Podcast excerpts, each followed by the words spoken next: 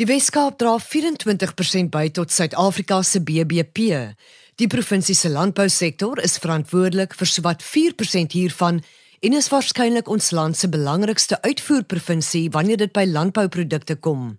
Daar kan dus nie oor klimaatsverandering gepraat word sonder om in diepte na die toestand in die Wes-Kaap te kyk nie. Hoewel die winterreën verligting bring, is die droogte in die mooiste Kaap nog nie gebreek nie. Ons het vandag twee baie spesiale ateljeegaste, twee vroue wat in die voorste linie staan wanneer dit by die stryd teen klimaatsverandering kom en hulp aan die landbousektor. Ons verwelkom die Wes-Kaapse Departement van Landbou se hoofdirekteur Navorsing en Tegnologieontwikkeling, Dr Ilse Trautmann en navorser en projekbestuurder in landbou, voedselsekuriteit en klimaatsverandering, professor Stephanie Midgley. Welkom by die Kookstuig met tegniese versorging deur Lindsey Johnson. Ilse het hierdie klimaatsverandering bil in 2014 Augustus 2014 by die horings gepak deur die Smart Agri projek. Wat is dit? Smart Agri is 'n klimaatsveranderingsplan spesifiek vir die Wes-Kaapse landbousektor. Die plan het die fokus om dan ook te kyk of ons ons sektor meer klimaatslim en klimaatsveerkragtig kan maak. Ek dink dit is belangrik om ook te sê dat alhoewel hierdie plan in die Weskaap ontwikkel is, het ons ander provinsies wat ook onder droogte uh, gebuk gaan en die metodiek wat ons gevolg het om hierdie plan op te stel is baie uniek. Ons sal dit graag met ander provinsies wil deel En sommer van die begin af vir die luisteraars sê as jy meer oor ons plan wil lees, is hulle baie welkom na die uh, webwerf www.greenagri.org.za te gaan kyk waar al die dokumente beskikbaar is. Is dit prakties en teoreties hulp wat jy aan die boere verleen? Die plan self is gebaseer op 'n wetenskaplike agtergrond maar die aksies wat uit die plan voortspruit is baie prakties en elke rolspeler in die landbousektor kan van daai aksies opneem en gaan implementeer. Dit moes 'n reuse taak gewees het. Waar begin mens? Dit was inderdaad baie baie moeilik om eers te vas te stel wat was die aard en omvang van die plan. Hoe lesers en gebruikers vriendelik ons die plan wou maak en dit was vir ons belangrik dat hierdie plan ook 'n roetekaart moes wees vir boere om op te tel en te sê ek kan hier iets daadwerklik op my plaas doen wat ook aan die smart agri plan geskakel het. Belangrik was om vennote om die tafel te gekry het. Daarom het ons ons departement van omgewingsake en ontwikkelingsbeplanning gekry want hulle het die 2014 um strategie vir die Weskaap ook geskryf en ons het ook baie belangrik was om te gesorg het dat ons 'n span kundiges kry wat vir ons hierdie plan kon opstel.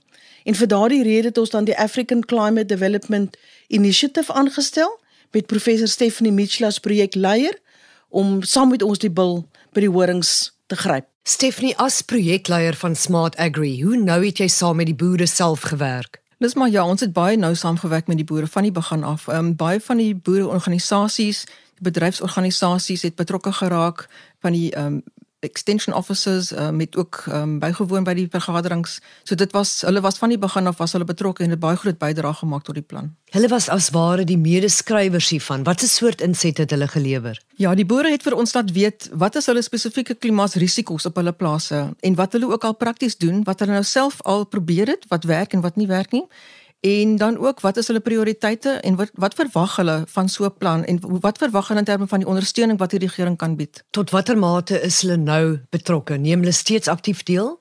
Ja, definitief. Um, ons het al baie uitnodigings gehad van die boereorganisasies, die bedryfsorganisasies om hulle te kom toespreek oor die plan, om hulle in te lig presies waaroor gaan die plan en hoe kan hulle betrokke raak. In die eerste fase van hierdie projek het julle spesifiek gefokus op die klimaat en julle het baie langtermyn, julle kon redelike langtermyn voorspellings maak.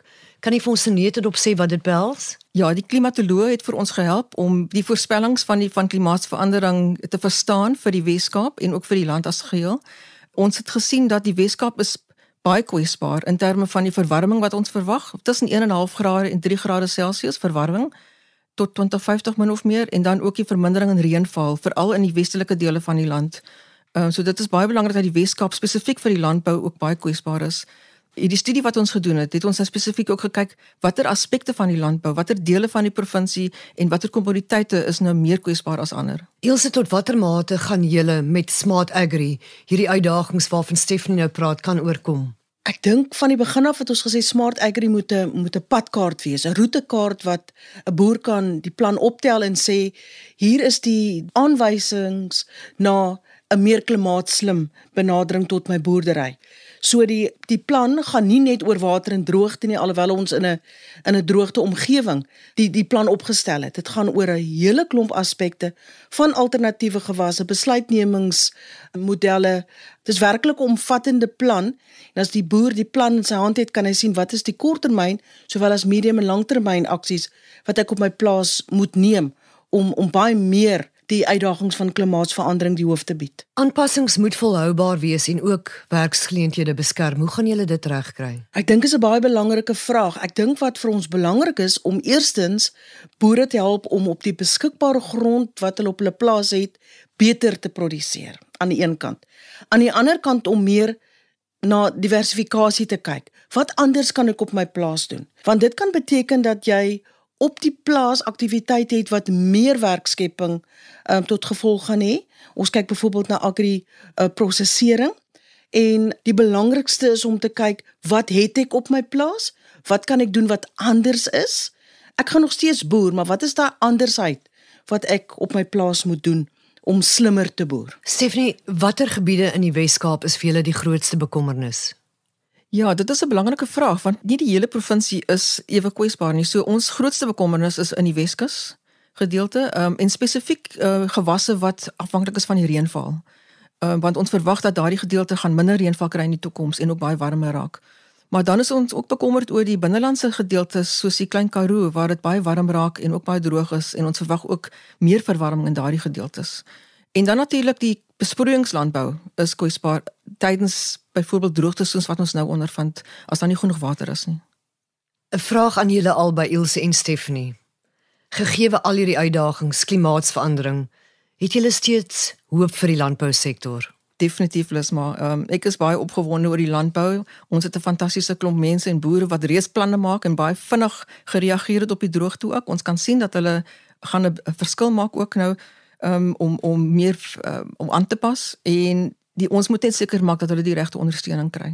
Beslis, ons boere het 'n wil om te oorleef. Ek dink die laaste 3 jaar se droogte het regtig vir ons die innovering en kreatiwiteit van ons boere gewys en ons moet nooit vergeet van boer maak 'n plan. Ons boere het planne gemaak. Ek moet net vra, hoekom is julle juis so passievol oor landbou?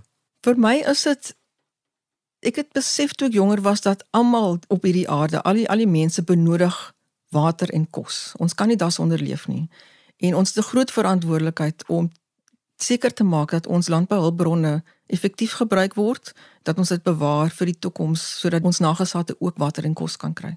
Van my kant af dink ek is belangrik om om te sê dat dit 'n wonderlike voorreg is om deel te wees van 'n span wat voedsel vir Suid-Afrika produseer.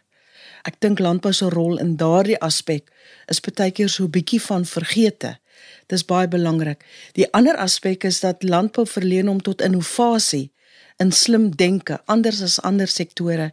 En uh, ek dink dit is 'n lekker plek waar mens nuwe idees kan kan uitdink en implementeer. Die Wes-Kaapse minister van ekonomiese geleenthede, Ellen Windy, het vroeër vanjaar in sy begroting die droogte in die provinsie as 'n een in 400 jaar gebeurtenis beskryf. In Windy se eie woorde, 'n nuwe waterekonomie is aan die ontwikkel waarvan vennootskappe die sleutel tot sukses is. Sonder landbou sal landelike huishoudings, finansies en die provinsie se ekonomie bedreig word. Smart Agri is 'n sprekende voorbeeld hiervan, vennootskappe wat 'n verskil maak. Charles Darwin het gesê, in die lang geskiedenis van die mensdom het diegene wat geleer het om saam te werk en te improviseer nie net oorleef nie, maar ook geseëvier. Die program word ondersteun deur die Wes-Kaapse Departement van Landbou. Ons groet tot volgende week. Onthou die aarde is kosbaar. Kom ons bewaar dit.